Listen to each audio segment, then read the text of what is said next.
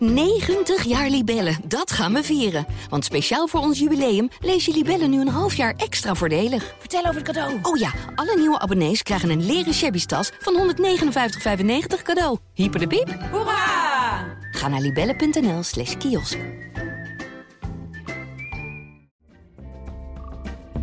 Welkom bij Wijsneuzen de Verkiezingen. De wekelijkse podcast van Trouw voor alle kiezers die gaan stemmen met prik of zonder prik, per post, per machtiging of gewoon in het stemlokaal op 17 maart of desnoods wat later. In deze vijfde aflevering gaat het over wonen. Volgens de grondwet moet de overheid ervoor zorgen dat iedereen een dak boven het hoofd heeft. Maar er is een groot tekort aan betaalbare woningen. Hoe willen politieke partijen deze crisis bestrijden? Meer bouwen? Zeker. Daar zijn alle partijen het wel over eens. Maar hoe? Meer overheid, minder markt? Daarover praten we met Marja Elzinga, hoogleraar Housing Institutions and Governance aan de Technische Universiteit Delft. Tevens lid van de Raad van Commissarissen van woningcorporatie IJmeren. En met Niels Marcus, politieke directeur van Trouw. Mijn naam is Frits van Ekster en tegenover mij zit zoals altijd politicoloog Menno Hurekamp. Ehm, Menno, even iets anders dan het wonen. Dat is eh, de opening van de krant vanochtend schrikbarende ontwikkeling. De politiek schuift op naar links. Schrok je er ook zo van? ja, ik ben uren van streek geweest. Ik ben eigenlijk nog steeds niet bijgekomen. Ehm, nee, dat is een mooie analyse van het uh, kieskompas, uh, waar Trouw mee opent. En de kop is inderdaad, politieke partijen schuiven massaal op naar links.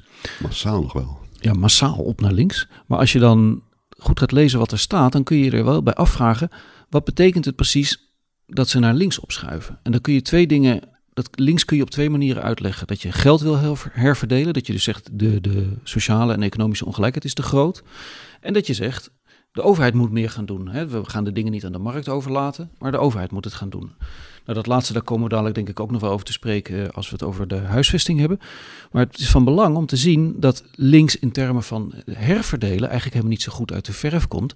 Dat die, die, die linksigheid betekent vooral dat bijna alle politieke partijen willen dat de overheid meer dingen gaat doen. Dat de overheid meer greep heeft op de woningmarkt, op de arbeidsmarkt, op, op, op, de, zorg. op, de zorg, op de, op de duurzaamheid.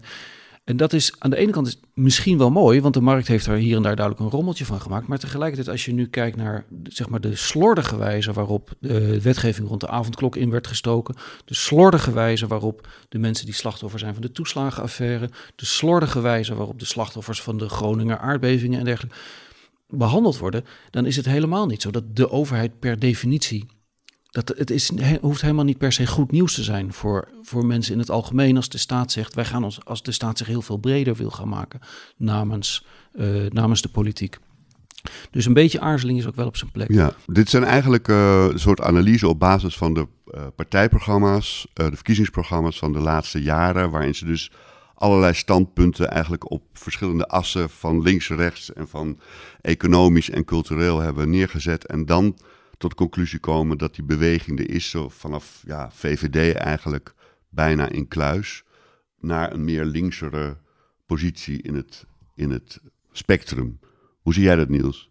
Nou ja, wat, wat interessant is uh, aan de, de grafiek die we vandaag in de krant hebben, is dat je ziet dat um, in 2017 partijen ook al naar links uh, opschoven. Dat was toen iets minder, uh, iets minder duidelijk in de campagne.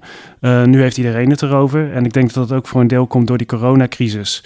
Um, nou ja, waardoor het in het debat veel meer gaat over de taak van de overheid. Of die niet meer zaken weer in eigen hand moet gaan nemen. En uh, nou ja, door die coronacrisis blijkt ook gewoon dat uh, veel dingen, bijvoorbeeld de zorg, door de manier waarop die de afgelopen jaren is vormgegeven, tegen de grenzen oploopt. Ja. Eén, één, mag ik er één klein dingetje nog aan, voordat we naar de echte inhoud overgaan, aan toevoegen? Um, ook uit, dit, uh, uit deze analyse lijkt weer te spreken dat bijvoorbeeld een partij als de PVV van Geert Wilders uh, ook naar links zou opschuiven. Dat is echt niet waar. Dus mogelijk schrijven ze dat wel op, maar als je naar het stemgedrag van de PVV kijkt, dan zie je dat ze sterk in de buurt van de VVD blijven. Dus eigenlijk totaal niet geïnteresseerd zijn in herverdeling, altijd meestemmen met de VVD waar het gaat om het verdelen van geld tussen rijk en arm. En de VVD hangt nu ook helemaal niet richting herverdeling. Hè. Ze willen misschien wel het minimumloon verhogen, maar absoluut niet de koppeling met de bijstand in stand houden. Dus dat betekent dat de, de mensen die een beetje hebben, krijgen wel wat meer, maar de mensen die niks hebben, krijgen zeker minder. Ehm, en, de VV, en de PVV zal vermoedelijk ook in die lijn volgen. Dus het, het beeld dat, de, uh, uh, dat Geert Wilders de verzorgingsstaat verdedigt, is echt onterecht. Dat, is, dat, is een, dat heeft hij knap in de markt gezet. En de journalistiek bevestigt dat knap, maar het is echt onterecht. Dat, ja, om dat, Diederik Ebbingen te citeren, waarvan akte. Uh, Marja Elscha, wat ook vandaag in de krant stond, was dat er een nieuw woonakkoord is. Uh, meer dan 30 partijen, corporaties, gemeentes, ontwikkelaars, bouwers, beleggers zeggen toe om jaarlijks 100.000 woningen te bouwen. En dat is uh, toch zeker 30.000 meer dan, dan ze nu doen, volgens dit verhaal. En dat betekent dat je over 10 jaar een miljoen extra woningen zou moeten hebben. Nou, dat plan ligt er natuurlijk niet voor niks nu op tafel. Maar betekent eigenlijk dat het probleem van de woningcrisis hiermee dan ook is opgelost. Einde gesprek, maar ja, gaan. Uh, opgelost is te veel gezegd, maar dit is wel heel goed nieuws. Dat er 34 partijen zijn die zich buigen over het probleem van de wooncrisis. Die komen met een akkoord waarin de ambitie is om veel woningen te bouwen. Er is sprake van een groot woningtekort. Dus dat is heel goed nieuws. En er staan heel veel mooie ambities op papier, wat heel hoopgevend is met de verkiezingen in het vooruitzicht. Maar de vraag is natuurlijk wel, hoe maak je dit waar? En waar ik mij het meeste zorgen over maak, is de focus op die miljoen. Uh, we hebben gezien wereldwijd eigenlijk, als je het hebt over miljoenenprogramma's, als je het hebt over prioriteit van aantallen, dan wil de kwaliteit van woningen en woonomgeving er nog wel eens bij inschieten. En dat is iets, want wonen is investeren in de lange termijn, waar je op de lange termijn last van hebt. Dus wat mij betreft is kwaliteit heel belangrijk bij die miljoen uh, woningen. Want we investeren hier in de toekomst. Maar bedoel je te zeggen, Marja, dat, dat, dat als er dit woonakkoord blindelings wordt uitgevoerd, dat er dan over vijf jaar de huizen wat, net wat sneller in zullen storten dan ze tot nu toe deden? Uh, nee, over vijf jaar zullen we daar denk ik weinig van merken. Wat ik bedoel is aandacht voor de energiekwaliteit van woningen. Die is er volop, maar naast uh, de grote aantallen die moeten worden gerealiseerd, is de energietransitie belangrijk en dat er ook iets gebeurt in die voorraad. Dus laat uh, het accent op nieuwbouw niet ten koste gaan van de voorraad. En als het gaat om die voorraad, uh, als het gaat om de nieuwbouw, is het heel belangrijk om naar de doelgroep te kijken. Wat is er nodig? Voor jongeren, voor ouderen er ligt een heel groot accent op flexwonen op dit moment voor de urgente woningbehoeften. En dan is wat mij betreft de vraag, wat is een goede flexwoning? Nou, Hoe gaan we daarmee om?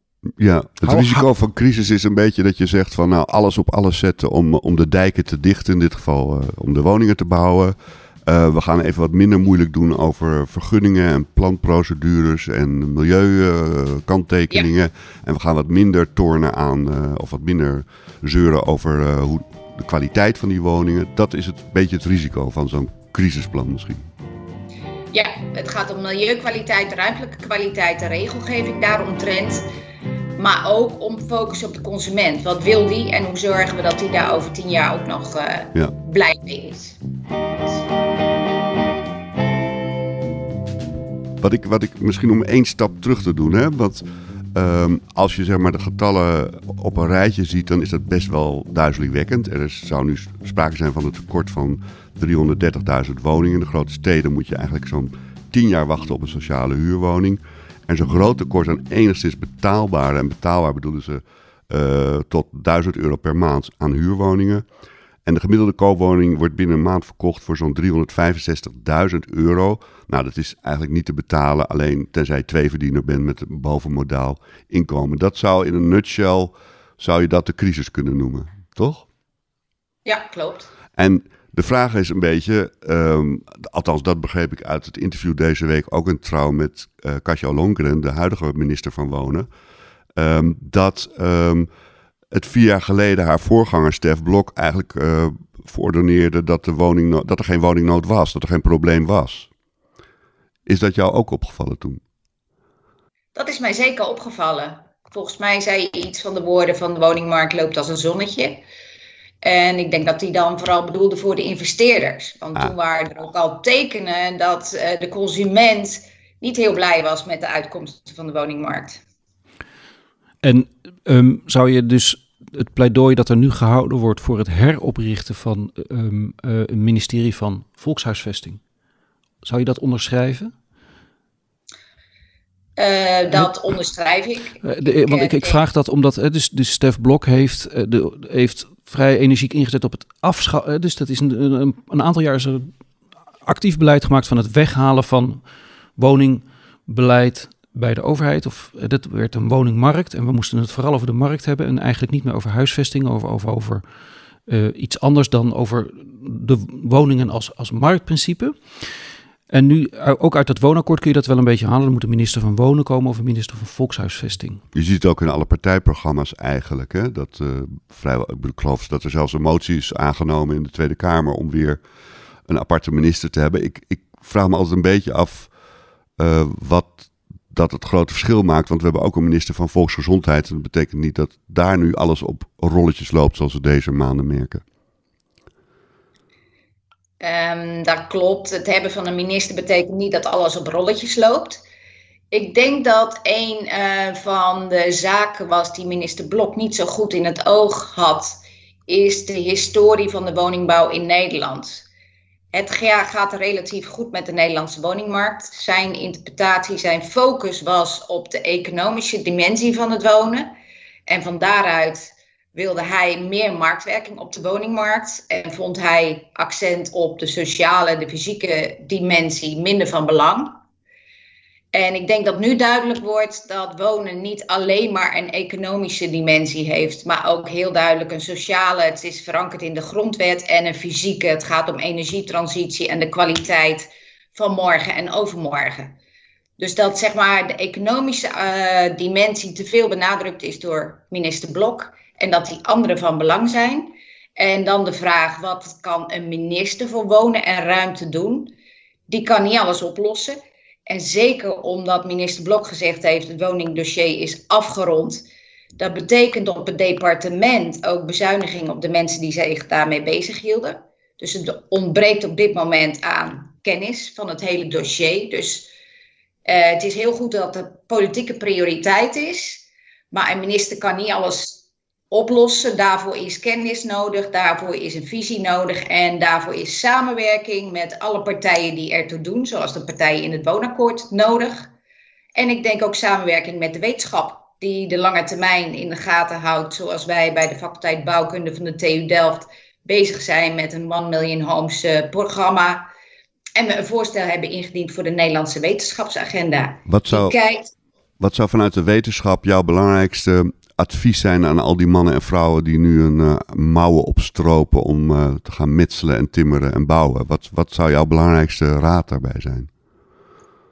Mijn raad is: ga vooral metselen, timmeren en bouwen. Ga doen, maar ga tegelijkertijd denken over de lange termijn. Dus er is een woningtekort. Er is een crisis, er moet gebouwd worden, maar wel voor de lange termijn. Dus ga vooral aan de slag. Kijk hoe je meters kunt maken. Maar tegelijkertijd, als het gaat over volgend jaar en het jaar daarna, doe dat in het kader van een lange termijnvisie. Doe dat in het kader van duurzaamheid, inclusiviteit, veiligheid, zekerheid. Dus uh, doen vooral, maar ook denken en dan. Uh, het volgend handelen aanpassen aan dat denken over de toekomst. Maar Marja, mag ik je vragen? De, de, de, de linkse partijen steken deze crisis vooral in door uh, verzet tegen de belegger. dus de Partij van de Arbeid probeert te scoren met um, uh, de Prins, ja. de Prins Bernhard belasting. dus dat je uh, je, je, je, je, je, verdient, je verdient, als je meer dan vijf huizen verhuurt, dan moet je flink inkomstenbelasting gaan betalen over de opbrengsten daarvan. En dat hangen ze dan op aan die arme prins Bernard met zijn bril. En um, uh, ja, dat is natuurlijk een, gewoon een, heel ideologische interventie. Um, gericht tegen uh, uh, geld verdienen op de woningmarkt. Hetzelfde geluid zie je ook bij de SP. Eigenlijk op, ja, op, op zo'nzelfde toon. En bij GroenLinks. Het is allemaal vooral gericht tegen de woningmarkt als een soort middel om geld mee te verdienen. Of volkshuisvesting als een middel om geld mee te verdienen. Vind je dat zinvolle kritiek, dat type dingen? Eh, heeft, dat, heeft het zin om zo politiek daarin te stappen? Of zeg je eigenlijk van nou, dit probleem is groter dan dit soort kleine interventies? Nee, ik vind dat uh, niet verstandig. Ik ben er erg voor om te zeggen van wij hebben een probleem op de woningmarkt. En de constatering is dat wonen is een heel politiek onderwerp. Vanuit links is heel veel kritiek op beleggers, op alle beleggers. Ik denk dat het heel belangrijk is om onderscheid te maken tussen duurzame beleggers en korte termijn beleggers. Mhm. In het VVD-verkiezingsprogramma zie je ook een hele grote ideologische nood ten aanzien van de sociale huursector. We hebben het ideolo- ideologische debat over de eigen woning. Dus ik vind het niet zinvol om die ideologische dimensie zo te benadrukken. Als het gaat om de Prins Bernhard belasting, dan denk ik, hou oog op eh, beleggers en vooral ook duurzame beleggers en ook vooral eh, je neef en je buurman en alle mensen die op dit moment een flexibele baan hebben, geen pensioen opbouwen, een pensioen willen opbouwen op een andere manier, bijvoorbeeld via een woonfonds. Dus ik vind het heel belangrijk om onderscheid te maken tussen duurzame beleggers die zeggen van wonen is een goede, stabiele investering. En beleggers die vooral heel snel winst willen maken ten koste van de kwaliteit van de omgeving. Dus degene die zeg maar profiteren van de woningcrisis, want daar gaat het dan uiteindelijk om, aanpakken, dat is op zich een logisch onderdeel van een woningsbeleid. Dat vind ik een heel logisch. En hier kunnen we die minister van Wonen ook heel goed gebruiken als het gaat over huurprijsregulering en toegang tot de huurcommissie voor huurders in het vrije segment. Ja. Dus als je daar de huren le- reguleert op een manier die wel een stabiel rendement mogelijk maakt voor de investeerder. Dus niet de korte termijn investeerder die een heel hoog rendement wil, maar wel een rendement dat oké is voor mensen die zeggen: ik zie het als een stabiele lange termijn investering. Dus dan hou je de investeringen. En als je mensen hebt die voor de lange termijn investeren voor een redelijke huur, dan zorg je ook voor een alternatief op de woningmarkt voor mensen die zoeken naar een woning in het middensegment. En die hebben dan een redelijke prijs-kwaliteitsverhouding. Ja, Niels Marcus, het is best een ingewikkeld onderwerp. Denk je dat het ook in de campagne, voor zover die zich nu gaat voltrekken, is een, een, een onderwerp is? Ehm, tot nu toe speelt het nog niet echt een heel grote rol in de campagne, heb ik het idee. Ehm, ja, wat, je, wat misschien ook het geval uh, zou kunnen zijn, is dat het woonakkoord ook voor een deel het gras weg, wegmaait voor de voeten van sommige partijen. Ik bedoel, de meeste partijen willen minister van Wonen. Uh, ze willen grotendeels 1 miljoen woningen bouwen tot uh, 2030. Dus dat er iets moet gebeuren in die woningmarkt, ja, daarover zijn de meeste partijen het eigenlijk wel eens. Dus als jij bij RTL een televisiedebat gaat organiseren en je nodigt Lilian Ploemen overigens niet uit, omdat ze net te klein is helaas, althans haar partij in de peilingen te, te, te slecht doet, dan uh, zou je dit niet als eerste spannende onderwerp uh, agenderen. Er zou je nee, leuke stellingen omheen kunnen bouwen. Nou ja, goed. Tenzij je natuurlijk kijkt naar uh, waar we het net over hadden. Hè? Het, het tegengaan van speculeren op die woningmarkt. En, het is toch gek, want ik bedoel, misschien is dat mijn eigen persoonlijke ervaring. Ook met mijn uh, opgroeiende zonen die uh, op de woningmarkt zich proberen een plek te veroveren. Het lijkt me toch een onderwerp wat heel veel mensen op de een of andere manier uh, aangaat. Als je, maar als je kijkt naar de, de manieren waarop kiezers hun voorkeuren ordenen, dan zie je dat ze eigenlijk zich altijd grote zorgen maken over gezondheid, volksgezondheid, dat type dingen. Daar moet eigenlijk altijd meer geld naartoe. Ze maken zich ook altijd grote zorgen over samenleven en sociale omgangsvormen en dat type dingen. Over de economie en over de arbeidsmarkt. Um, en dan daar ergens achteraan op de vierde of vijfde plaats is ook, komt wonen. Maar dat staat zelden, zelden in een top drie van kwesties. Dus het is gewoon nooit, nooit het eerste ding dat mensen bezighoudt. Is dat ook jouw waarneming, Marja? Ik denk dat dat wel anders is uh, dan een tijd geleden. Ik zie nu overal mensen uh, wanhopig op zoek naar een huis. Ja. Ik ben hoogleraar wonen aan de TU Delft, dus veel mensen vanuit privé vragen mij ook van hoe kom ik aan een huis. Je hebt er nog een Funda-site naast. Uh... Goeie tip. Nee, maar ik, ik zie om me heen dat eigenlijk mensen wanhopig zijn. Jongeren, mensen die scheiden bijvoorbeeld. En die eigenlijk geen andere keuze hebben dan een hele dure woning te accepteren die ze eigenlijk niet willen. Ook nog onder voorwaarden die ze niet willen. Uh, maar dat er gewoon geen alternatief is. Dus in mijn perceptie, maar goed, die kan uh, gebiased zijn, is er nu sprake van urgentie. En is het niet voor niets dat in alle verkiezingsprogramma's van alle partijen wonen wordt genoemd als een issue waaraan politieke partijen aandacht besteden. En ze komen ook allemaal een beetje op diezelfde getallen uit, lijkt het wel. Hè? Ze zeggen allemaal, er moet uh, eigenlijk 100.000 per jaar gebouwd worden in plaats van nu zouden er 75.000 per jaar gebouwd worden. Dus er is ook een soort consensus over de, de kwantiteiten, zeg maar. Um, ja, maar dat heeft misschien ook te maken met de rekeninstanties die deze getalletjes uh, produceren, die geaccepteerd worden door Ja. de politieke partijen. Kijk, wij hebben in de faculteit dat uh, programma van 1 miljoen woningen. En dat kwam voort uit een roep vanuit de bouwsector alweer meer dan twee jaar geleden van er zijn een miljoen woningen nodig. Toen hebben wij als faculteit bouwkunde gezegd van hé, hey, maar wij zijn uh, van bouwen, van de woningbouw. We hebben architecten, stedenbouwkundigen, bouwtechnologen, mensen met verstand van beleid en geld. Wat kunnen wij hier samen doen?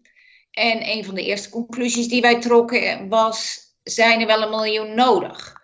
Als je kijkt naar de bezetting van de huidige woningvoorraad, we hebben gemiddeld 65 vierkante meter per persoon op we, dit moment. We wonen te groot. Ik zeg niet we wonen te groot, we wonen redelijk ruim en we hebben een betaalbaarheidsprobleem. Dus misschien kun je ook de woonoppervlak die beschikbaar is efficiënter benutten. Kun je daar ook beleid op maken? Dus daar komt eigenlijk niet aan de orde in het woonakkoord, behalve het makkelijker splitsen van woningen en hypotheken.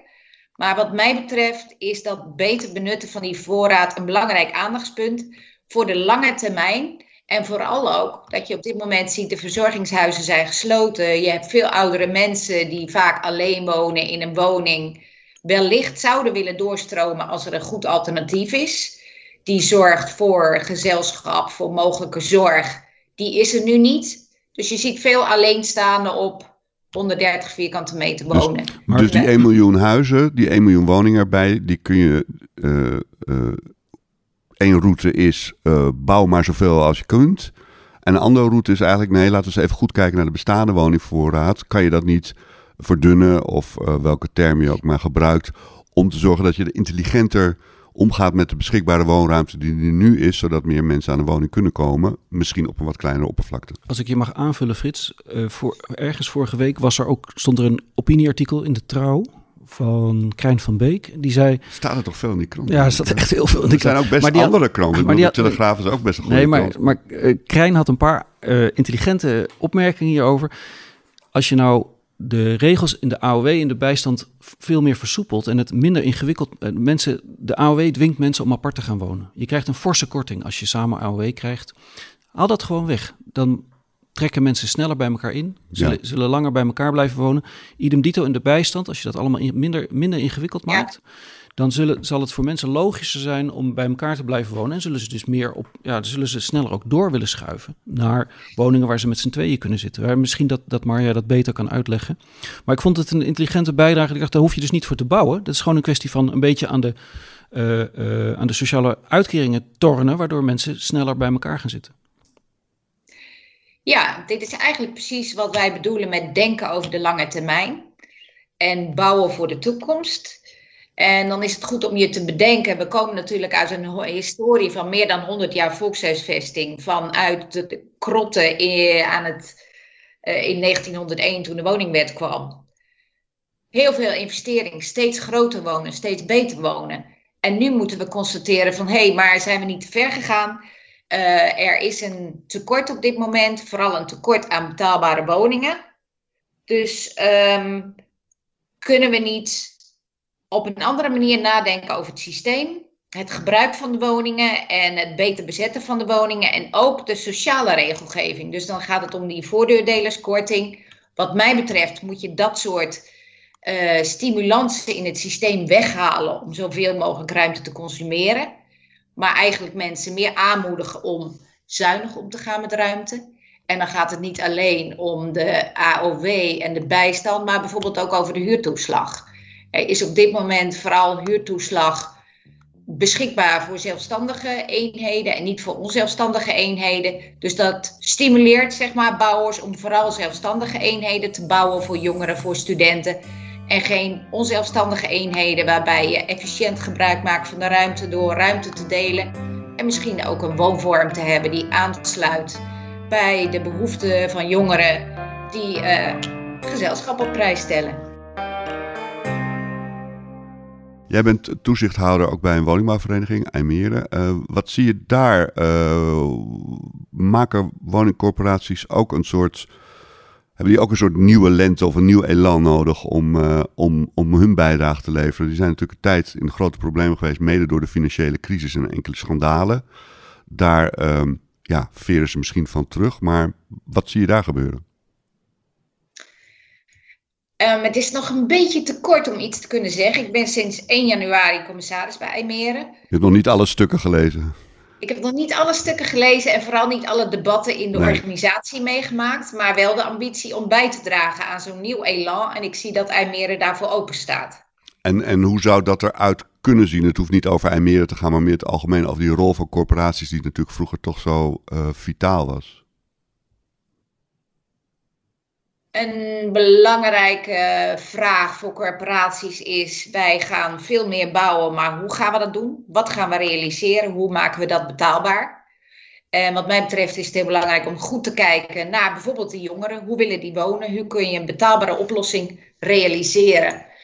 Hoe kun je um, zorgen voor collectieve woonvormen, het delen van voorzieningen?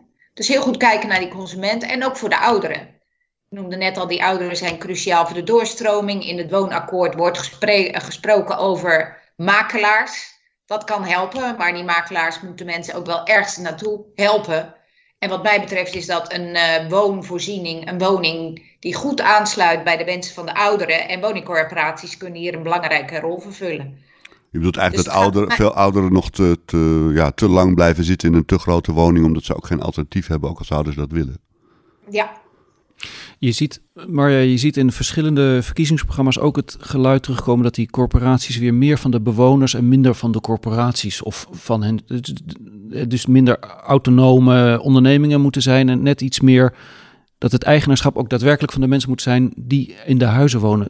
Deel je die gedachte of zie je daar heil in? Of denk je van nou daarvoor zijn ze inmiddels veel te groot en die bewoners die geven daar helemaal niet om en die, die hebben wel andere dingen aan hun hoofd dan samen vergaderen over de precieze de precieze invulling van hun huizen of hoe de buurt eruit zou moeten zien? Het zijn hele grote organisaties, professionele organisatie. Om ze op korte termijn aan de bewoners te geven, voert misschien wat ver. Ik vind het wel de opdracht van deze sector om goed na te denken over hoe zorgen wij dat we een maatschappelijke organisatie zijn die er is voor de samenleving en in het bijzonder voor de bewoners. Dus geef dat op een goede manier vorm in de huurdersvertegenwoordiging in uh, bijvoorbeeld wijkbudgetten, zeggenschap voor huurders op verschillende niveaus. Dus het uh, in bezit geven bij huurders is een stap te ver op dit moment. Maar het is wel de taak om na te denken. En dat begon eigenlijk al met de woningwet van uh, eh, 2015. Hoe geef je de huurder, de woonconsument, weer een meer substantiële rol in het hele sociale huursysteem? Maar je Waarin de maar je zegt, sorry, maar, maar, maar je zegt op dit moment, dus je, je vindt het, het is, zou misschien wel een mooi ideaal zijn, maar het is niet bereikbaar, of het is niet logisch, of het, het, ligt nu niet voor de hand? Of wat bedoel je als je zegt, op dit moment is dat niet?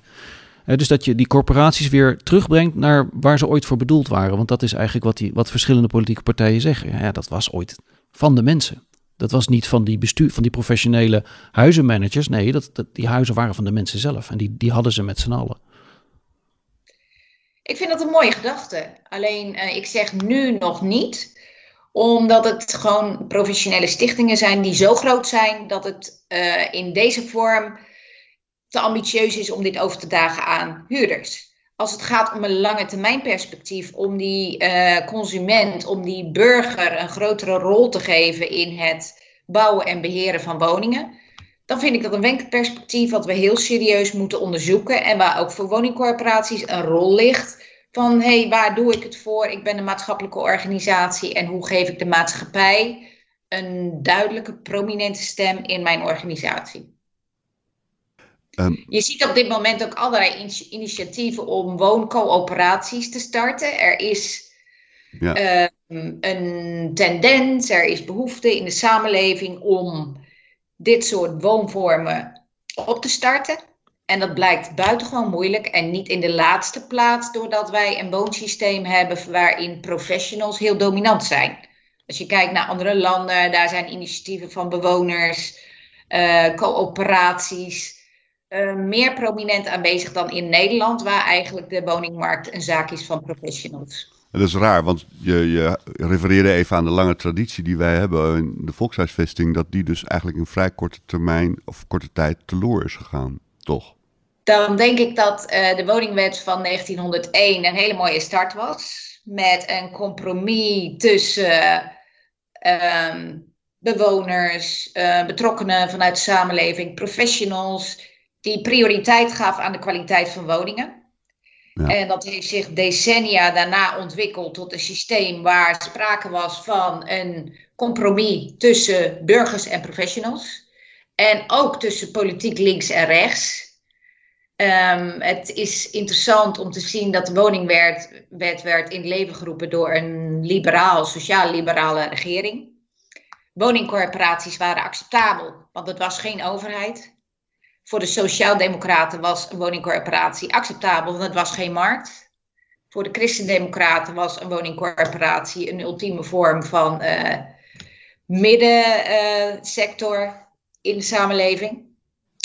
Um, dus er was sprake van een compromis wat voor vele partijen in de samenleving acceptabel was. En ik denk met de jaren negentig, de verzelfstandiging, de economisering, de financialisering, is dat uh, uit evenwicht geraakt. Ja, en de financiële crisis heeft niet tot een soort onmiddellijk schokeffect geleid, waardoor dat zich weer herstelt. Of je zou kunnen zeggen, nu begint het herstel misschien te komen, als je kijkt naar de verkiezingen en de programma's op dat punt. Ik denk niet dat de financiële crisis heeft geleid tot herstel. De financiële crisis uh, viel ook samen in Nederland met parlementaire enquête over woningcorporaties. Ja. Woningcorporaties zaten in het verdachte bankje. Dat heeft geleid tot een nieuwe woningwet in 2015. En het accent in die woningwet lag op herpositionering van de sociale huursector. En dan vooral uh, als een sector die bedoeld is voor de allerarmsten in de samenleving. Dus niet meer de brede sector waar ik net over sprak. Was dat een verstandige keuze, Marja? Was dat, wat, wat, als je dat nu dus ziet, dan zie je inderdaad dat de helft van de sociale sector wordt inmiddels bewoond door mensen met een laag inkomen. En dat was ongeveer uh, eh, 20 jaar geleden maar 10% Dus, dus je ziet inmiddels het, het overgrote gedeelte van de sociale sector wordt inderdaad bewoond door mensen met weinig geld. dus dat is een soort, er vindt een scheiding plaats van bevolkingsgroepen. Ja. Vind je dat een verstandige keus geweest? Ik denk dat het een heel groot goed is dat wij in Nederland uh, goede wijken hebben, gemengde wijken, waar ook mensen met een smalle beurs goed kunnen wonen. Dat hebben we gerealiseerd in de afgelopen decennia door een brede sociale huursector. De keuze voor een smalle huursector leidt ook vaak tot uh, de concentratie van mensen met een laag inkomen in bepaalde huizen, in bepaalde wijken. Dat vind ik niet verstandig. Maar daar, die kant is het natuurlijk wel opgeschoven de afgelopen jaren. Ja, dat is jammer. En we zien nu ook, er zijn verschillende onderzoeken. Edis uh, heeft dat ook uh, benadrukt. En dat is ook terechtgekomen in het woonakkoord. Die zorg voor de kwaliteit van wijken. Dus dat staat nu op de agenda. Dat was even verwaarloosd. En ik denk dat het heel belangrijk is om, ik had het net al over nieuw elan in de corporatiesector, om na te denken over die kwaliteit van wijken. Ja, je hebt nog niet uh, alle details van het nieuwe woonakkoord kunnen zien, uh, maar je bent er al op redelijk enthousiast over als ik je zo beluister.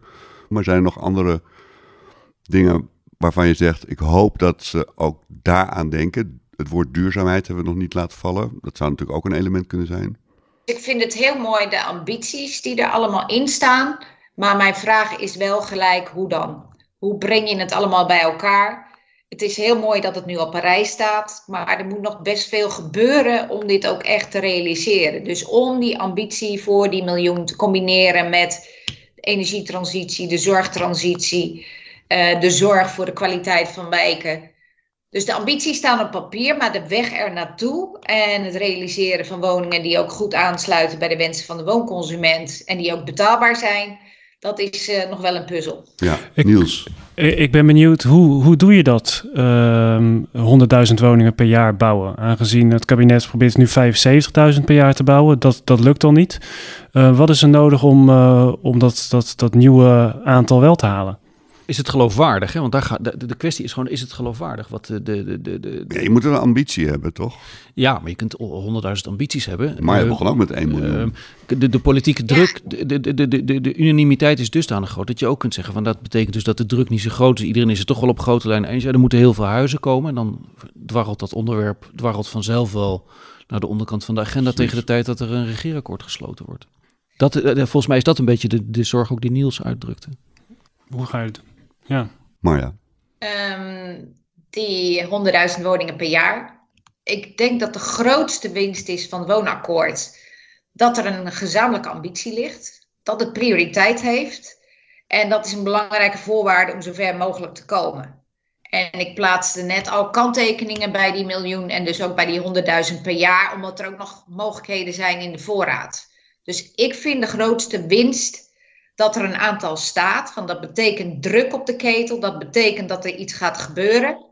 Maar of het precies 100.000 woningen zijn die gerealiseerd worden, vind ik ook in mijn pleidooi voor kwaliteit van woningen en woonomgeving niet het allerbelangrijkste. Ja, het is toch ook wel eens fijn om een keer een uitzending te wijden aan iets en dan te eindigen met een positief grondhouding. Namelijk, het is mooi dat, uh, dat het probleem alle prioriteit heeft. Dat de meeste partijen er eigenlijk ook uh, min of meer gelijk over denken. Dat er ook nog een plan ligt om het ook te realiseren. En tenslotte dat er ook nog mensen zijn zoals jij, Marja, die proberen daar met intelligente uh, voorzetten het de goede richting in te duwen. Dus heel erg bedankt uh, voor jouw bijdrage. Ik was ook blij dat je zei dat je jezelf hoogleraar wonen noemde, want ik had je geïntroduceerd met de titel die ik vond Housing Institutions and Governance.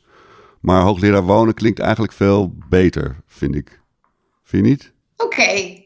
Ja, ja, je noemde jezelf hoogleraar wonen. Of, of... Maar ik, ik, noem mijzelf hoogleraar wonen, omdat ik denk, ja, daar, daar gaat het uh, ja, eigenlijk daar, over. Daar en gaat dat is lekker korte Nederlandse vertaling. Zeker. Nou, heel erg bedankt Marja Elzinga. Dank ook Niels Marcus. Dank alle luisteraars. Dit was de vijfde aflevering van Wijsneuzen de verkiezingen. U kunt deze week veel meer lezen over het thema wonen en de verkiezingen in Trouw. De krant met de bijlage De Verdieping, dat is eigenlijk al een hele woning op zich zou je kunnen zeggen. En volgende week dan willen we weten welke keuzes de politieke partijen in de zorg willen maken. Welke lessen trekken zij uit de coronacrisis? Onze gast is dan Margot Trappenburg, verbonden aan de Universiteit voor Humanistiek en de Universiteit Utrecht. En Wilme Kieskamp, politieke directeur van Trouw. Reacties zijn meer dan welkom. U kunt ons mailen via wijsneuzen.trouw.nl. We hebben een paar hele leuke reacties gehad trouwens. Daar komen we volgende keer wel op terug. Wijsneuzen wordt Leuk, gemaakt door Menno leuk, Huurkamp. Nou, kritisch positieve reacties. Wijsneuzen wordt gemaakt door Menno Hurenkamp en Frits van Ekster. Techniek Daan Hofstee. Coördinatie Trouw Joris Belgers.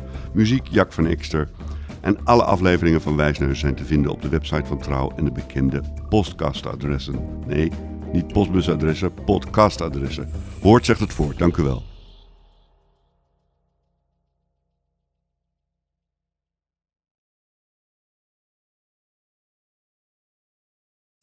We worden dagelijks overladen met overbodige informatie. En het is moeilijk de zin van de onzin te scheiden. Daarom vertrouw ik op echte journalisten in plaats van meningen. Een krantenmens heeft het gemakkelijk. Word ook een krantenmens en lees je favoriete krant nu tot al zes weken gratis. Ga snel naar krant.nl. Bezorging stopt automatisch en op deze actie zijn actievoorwaarden van toepassing.